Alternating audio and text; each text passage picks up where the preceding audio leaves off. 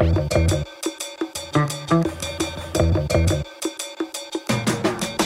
hij bij u nog niet in de bus is gevallen, virtueel of op papier, dan zal dat wellicht de komende dagen gebeuren. Onze belastingbrief. Zeker in België is die brief een behoorlijk complex kluwen van oude en nieuwe codes, koterijen en uitzonderingen. Het hoeft dan ook niet te verbazen dat heel wat Belgen toegeven hun weg er niet goed in te vinden. Nochtans kan je best wat geld besparen als je die aangifte zo slim mogelijk invult. Daarbij gaan we ons vandaag laten helpen door iemand die van fiscaal advies haar beroep heeft gemaakt. Blijven luisteren dus, wie weet brengt het u wat geld op. Mijn naam is Dries Vermeulen, dit is Duidelijk.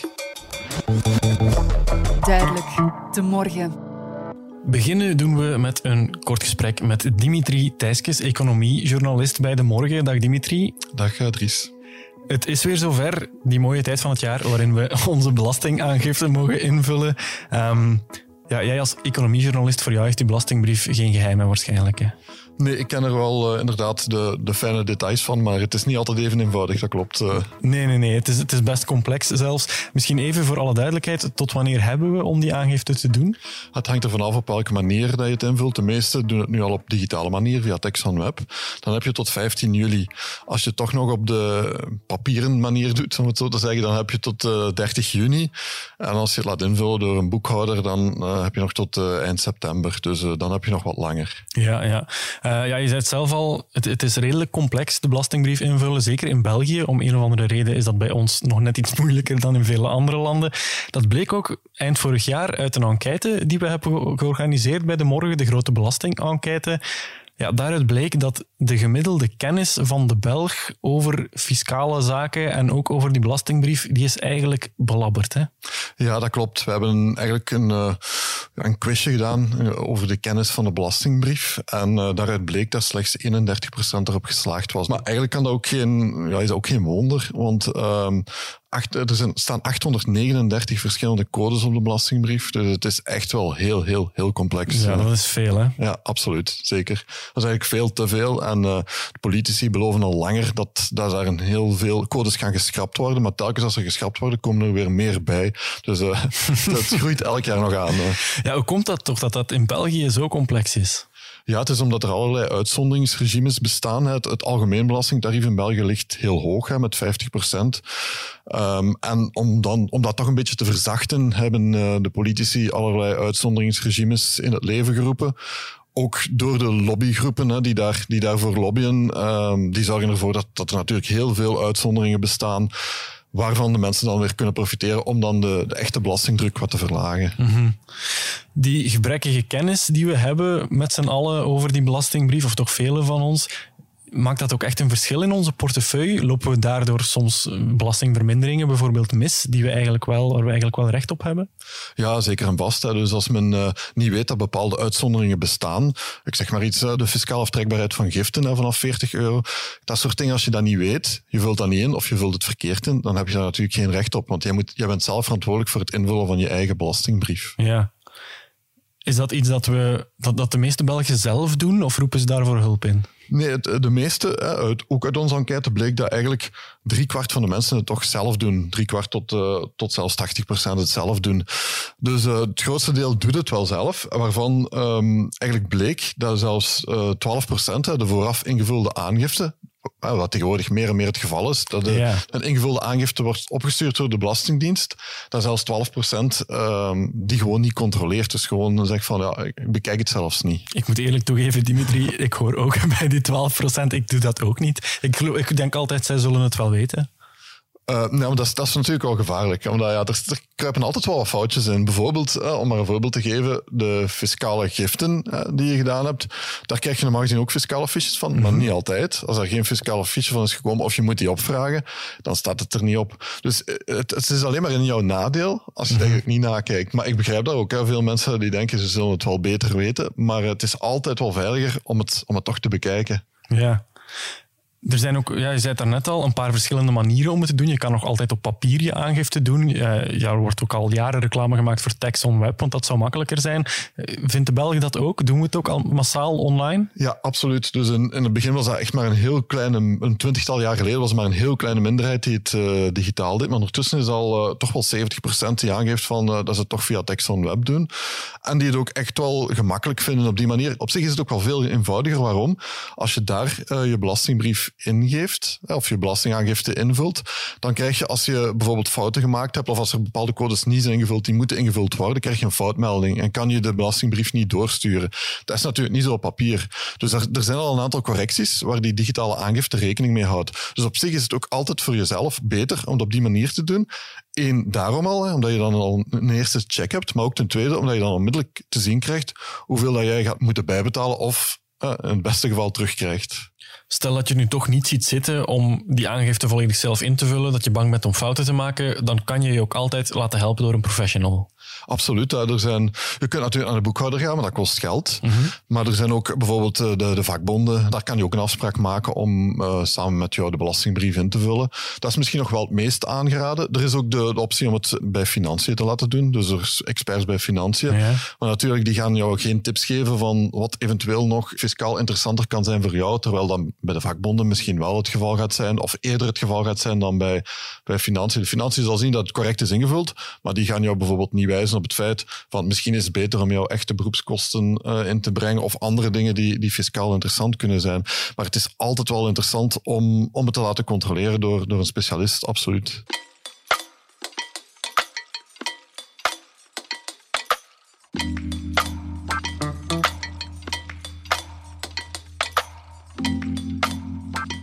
Je dus altijd laten adviseren door een specialist en dat is dan ook exact wat we nu gaan doen. Veerle Lerut is advocaat bij Casimir. Dat is een kantoor dat juridisch en fiscaal advies verleent aan bedrijven en particulieren. Zij is daar specialist in alles wat met belasting op beroepsinkomsten te maken heeft. En voor de rest van deze podcast vraag ik haar de pieren uit de neus over die verdomde belastingaangifte en alle manieren waarop die mij en u misschien geld kan besparen.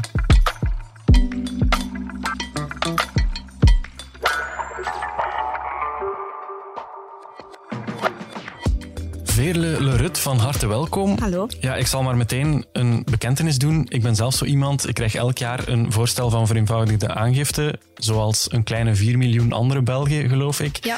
Ja, ik, ik, ik aanvaard dat eigenlijk altijd gewoon. Ik kijk daar zelfs niet naar. Is dat, is dat heel dom van mij? Ik zou niet zeggen dat dat heel dom is, maar super slim is het ook niet. dat is eerlijk. ja. nee, wat, dat wij, wat dat wij vaak zien in de praktijk, en ik vind het eigenlijk een. Um, een beetje een opzienbarende vaststelling is dat de vooraf ingevulde aangiftes, daar zal zeker en vast in staan alles wat belastbaar is qua inkomsten. Dus wat wil dat zeggen?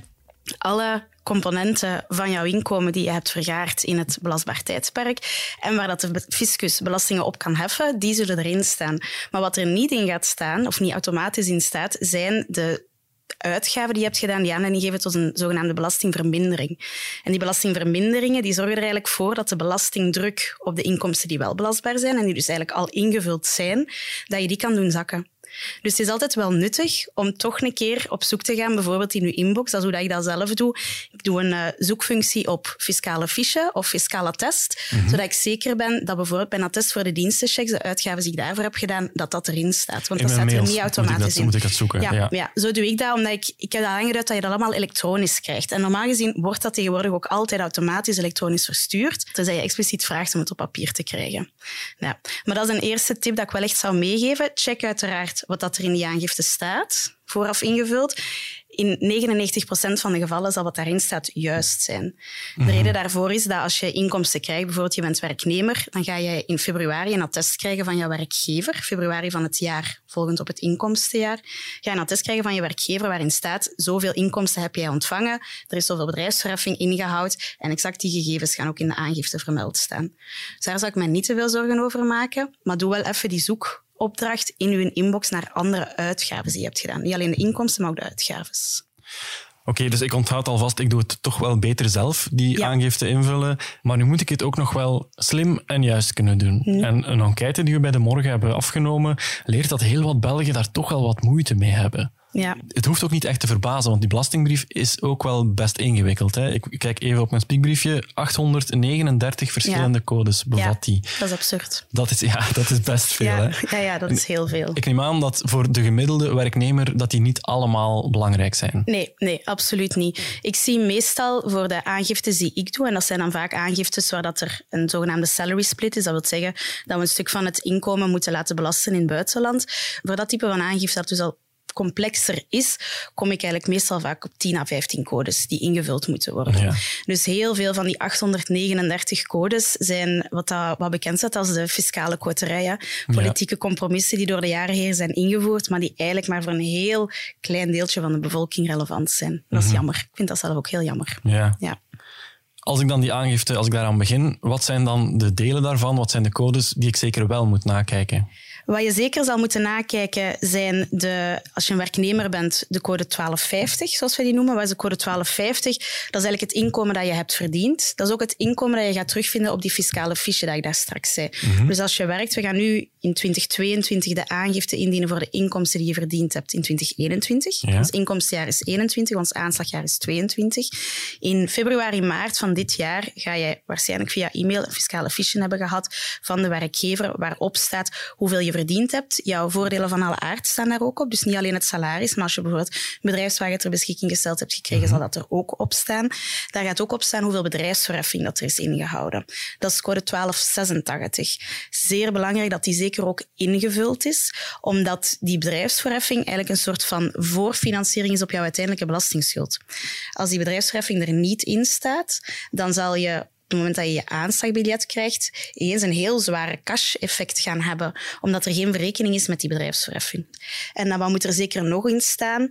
De meest voorkomende klassiekers qua belastingverminderingen zijn de dienstenchecks, pensioensparen, uitgaven voor kinderopvang, die zaken. Zorg dat dat er ook in staat. En dan als laatste, maar normaal gezien gaat dat ook al op voorhand correct ingevuld zijn, jouw persoonlijke situatie. Ben je gehuwd? Ben je alleenstaand? Ben je gescheiden? Heb je kinderen ten laste? Hoeveel kinderen ten laste heb je? Ja, over die kinderen ten laste heb ik ook al eens gehoord, bijvoorbeeld als al iets oudere kinderen vakantiewerk doen, Ja. dat zij soms niet meer ten laste zijn op hun belastingbrief bij de ouders, terwijl ze dat eigenlijk wel nog zouden moeten zijn. Dat zou kunnen, eh, dat dat soms gebeurt. Per vergissing. Het zou niet zo mogen zijn. Dus check het zeker. Daar gaat de toelichting bij de aangifte wel een handig instrument zijn om zeker te zijn dat je correct je aangifte gaat indienen. Wat is die toelichting bij de aangifte? Ehm, als je op TaxonWeb gaat inloggen om je fiscale aangifte in te dienen, dan krijg je in eerste instantie een document dat heet voorbereiding van de aangifte in de personenbelasting. Is al op zich redelijk uitgebreid. Daarin staan die 800 en codes waar dat je daarnet naar refereerde. Ehm, maar je hebt naast die voorbereiding bij de aangifte ook een boekje. Dat heet Toelichting bij de aangifte in de personenbelasting. Ehm, dit jaar is het eerste deel van dat boekje 130 pagina's lang. Maar daarin staat wel meer uitgebreid toegelicht hoe dat het zit met bijvoorbeeld die kinderen ten laste. Hoeveel mag een kind verdienen opdat het nog ten laste mag zijn? Met duidelijk de threshold erin vermeld, wordt Ah, ja. ook ieder jaar aangepast. Dus je gaat zien in dat boekje, pak zeker dat van het juiste jaar. Je kan dat gemakkelijk online terugvinden als je op Google intipt toelichting aangifte personenbelasting 2022. Dan gaat een van de eerste hits dat boekje zijn. En dan kan je in de kanttekening zien, daar gaan van die rode stiplijntjes bij staan links. Dat is alles wat anders is in het boekje ten opzichte van vorig jaar. Oké. Dus bijvoorbeeld geïndexeerde bedragen. Geïndexeerde bedragen wil zeggen, ehm, dit jaar is een kind ten laste tot op het moment dat het een netto-inkomen heeft van ongeveer 4000 euro. Vorig jaar was dat 3900 euro. Dan weet je dat, kan je dat checken. Ja, je zei daarnet zelf al, in die vereenvoudigde aangifte die je krijgt, dingen die je, waarop je belast moet worden, dat zullen ze niet vergeten, maar dingen die je kan terugtrekken, Ja. vaak wel. Ja. Wat zijn zo de dingen die, die mensen zelf soms vergeten aan te geven, waar ze eigenlijk voordelen uit zouden kunnen halen? Ik denk dat de giften het vaakst vergeten worden. En dat heeft veel te maken met eh, het feit dat als je een gift doet aan een bepaalde instelling, dat dat om eerder kleine bedragen gaat, 50 euro, 100 euro. En dat die attesten ook heel vaak nog op papier terechtkomen en dus niet in die inbox. Dus daar kan het wel nuttig zijn om zeker nog eens door de aangifte te gaan. Er is een aparte post, giften, die staat in de buurt van de, van de dienstenchecks. Dus als uw oog erop valt, zal er hopelijk een belletje gaan rinkelen. De meeste banken hebben nu een, heel handige app waarop je echt wel kan zoeken op bepaalde bedragen of op bepaalde donaties die je hebt gedaan. En dan hopelijk heb je ergens nog een fiscale test liggen. Is dat super essentieel, dat fiscale test? Dan moet ik ja en nee zeggen. Um, nee, in die zin dat je perfect de gift, als je het rekeninguittreksel hebt en je hebt een storting gedaan aan Artsen zonder Grenzen, en je ziet dat op die rekeninguittreksel, dan kan je het zo overnemen.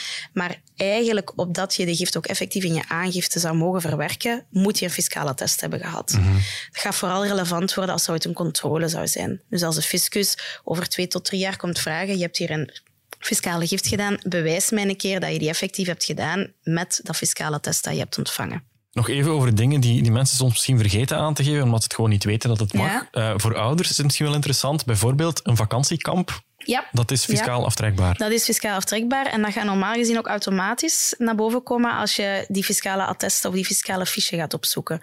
Wat dat je daar het beste kan doen, is in al je inboxen. Allee, bij mij zijn dat al mijn inboxen, omdat ik al eens wel, durf, wel eens durf te wisselen van e-mailadres. Gewoon even zoeken, fiscale attest, fiscale fiche. En die kinderkampen bijvoorbeeld, die zijn verplicht om een attest uit te vaardigen waarin dat bevestigd wordt dat voor kind X gedurende zoveel dagen aan opvang werd voorzien aan dat tarief. Wat is daar heel um, handig aan opnieuw in de Taxon Web Tool? De wetgeving rond belastingvermindering voor uitgaven voor kinderopvang lijkt straightforward, maar is in de praktijk moeilijk toe te passen, omdat er een koppeling wordt gemaakt met een fix bedrag per dag dat je kan genieten of dat je als belastingvermindering voordeel kan, eh, kan gaan inbrengen. In Taxon Web is er een wizard, zoals ze dat zelf noemen, die jou eigenlijk echt wel goed kan helpen met ervoor te zorgen dat je dat te goed invult. Dus wat je nodig hebt, zijn, is het attest of de attesten waarin dat bevestigd wordt voor welke kinderen je welke uitgaven hebt gedaan. Mm Daar wordt in principe een opsplitsing gemaakt voor hele dagen en halve dagen. Dat vul je in in die wizard. Je moet dan op het toverstafje klikken dat naast het, eh, het logootje staat of naast de code staat waarin dat die uh, kosten mogen worden opgenomen.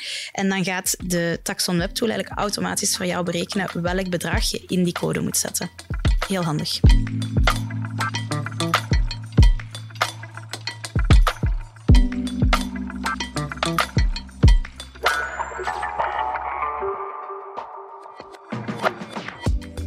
We moeten het ook even hebben over de beroepskosten. Daar heb je de keuze tussen een forfait aanvaarden of de werkelijke beroepskosten invullen. Kan je het verschil misschien eens even uitleggen? Ja, um, het verschil bestaat erin dat als je voor de forfaitaire beroepskosten gaat, dat op basis van jouw belastbaar inkomen volgens een vaste formule bepaald zal worden hoeveel beroepskosten je geacht wordt te hebben gemaakt. Het grote voordeel aan die forfaitaire beroepskosten is dat je geen bewijslast hebt.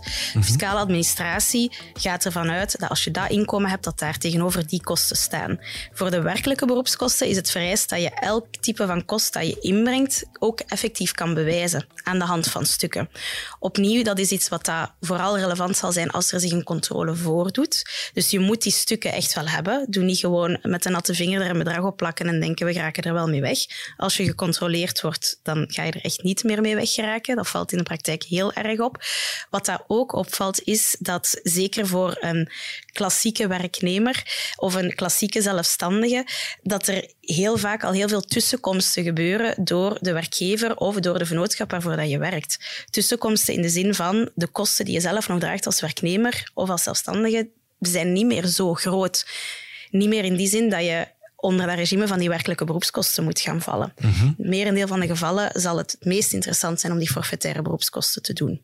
Als je wel de werkelijke beroepskosten zou inbrengen, wat voor dingen kan je dan als gewone werknemer, als ambtenaar, als bediende, wat, wat kan je zoal inbrengen?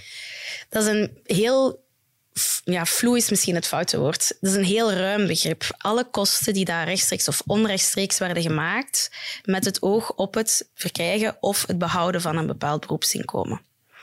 Dus je kan daar echt wel zeer ver in gaan. Alles valt of staat met die bewijslast.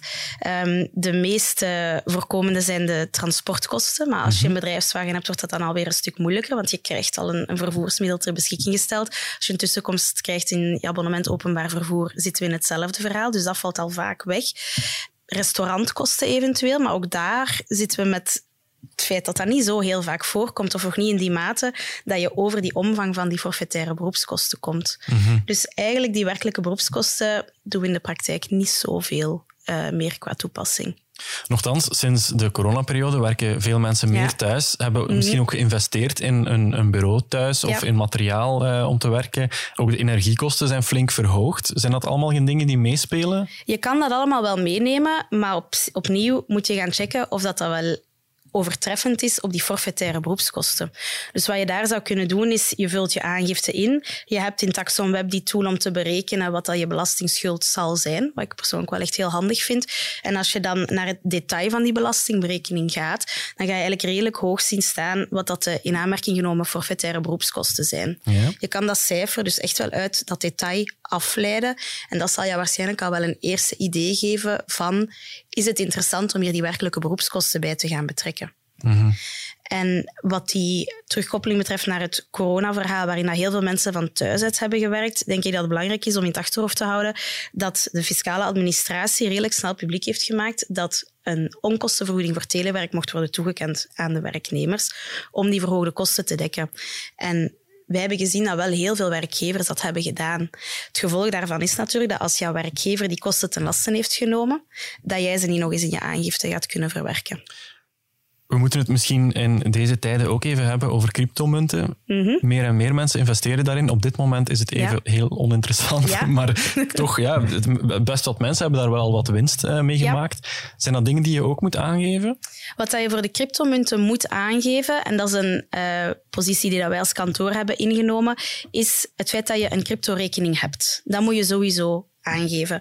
Je ziet van achter op je aangifte heb je eigenlijk een, een box, die staat daar nu sinds een aantal jaren, waarin dat je onder andere melding moet maken van buitenlandse rekeningen. En wij zijn van mening dat door de manier waarop dat op dit moment geformuleerd is, dat dat ook wil zeggen dat je het moet aangeven als je een cryptorekening hebt. Dus dat sowieso. Ehm, is natuurlijk een component die ervoor zorgt dat de fiscus nog wat meer op de hoogte is van al hetgeen dat je hebt. Wat Ja. de hele reden is van die laatste box. Wat dan de opbrengsten van cryptomunten zelf betreft, zitten wij in België echt nog wel in een groot vacuüm. Als in, er is een absoluut gebrek aan goed sturende wetgeving daaromtrent.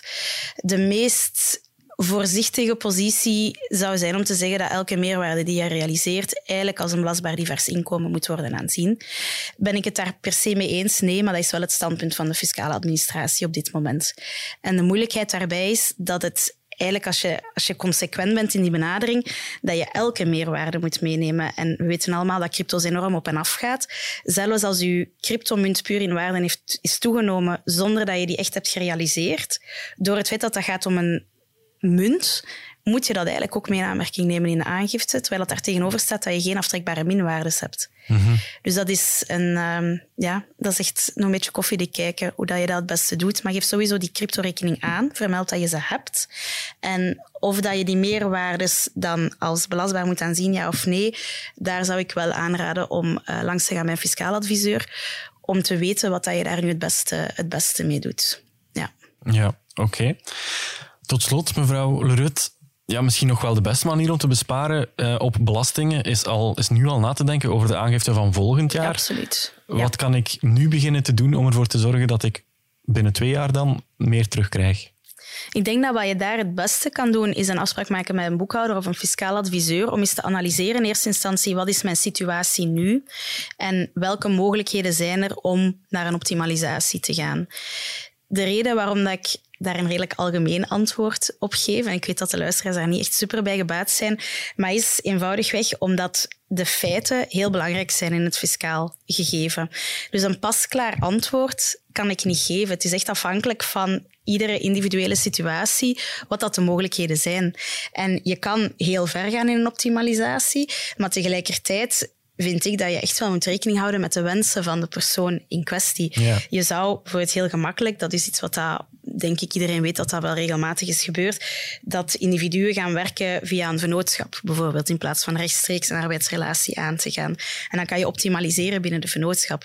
Je kan daar extreem ver in gaan, tot in die mate dat je maandelijks eigenlijk bijna geen inkomen verkrijgt en op het einde van het jaar vooral dividenden gaat spelen. Fiscaal is dat interessant, maar of dat, dat je levenskwaliteit ten goede gaat komen, hangt af van persoon tot persoon. Dus daar zou ik echt wel zeggen, kijk, als je vindt ik betaal te veel belastingen of ik wil graag bekijken of er een mogelijkheid is om die fiscale druk wat naar beneden te krijgen, om een gesprek in te plannen met een boekhouder of een fiscaal adviseur en daar eens grondig door te gaan. Ja. Oké, goed. Uh, Vele Lerut, advocaat bij Casimir, dankjewel voor deze uiteenzetting. Ik, ga, ik beloof dat ik nooit meer dat, uh, die vereenvoudigde aangifte zal aanvaarden. Vanaf nu doe ik het gewoon zelf. Super, heel goed. Dankjewel. Ik bedank ook mijn collega Dimitri Thijskes en u, beste luisteraar, bedank ik natuurlijk ook weer om erbij te zijn. Hopelijk hebt u er iets uit opgestoken, ik in elk geval wel. Even nog zeggen dat volgende week donderdag, dan is het hemelvaart, dan zijn we er even niet, maar de week daarna is er opnieuw een nieuwe aflevering. Hopelijk luistert u dan weer. Heel graag tot dan, dit was duidelijk.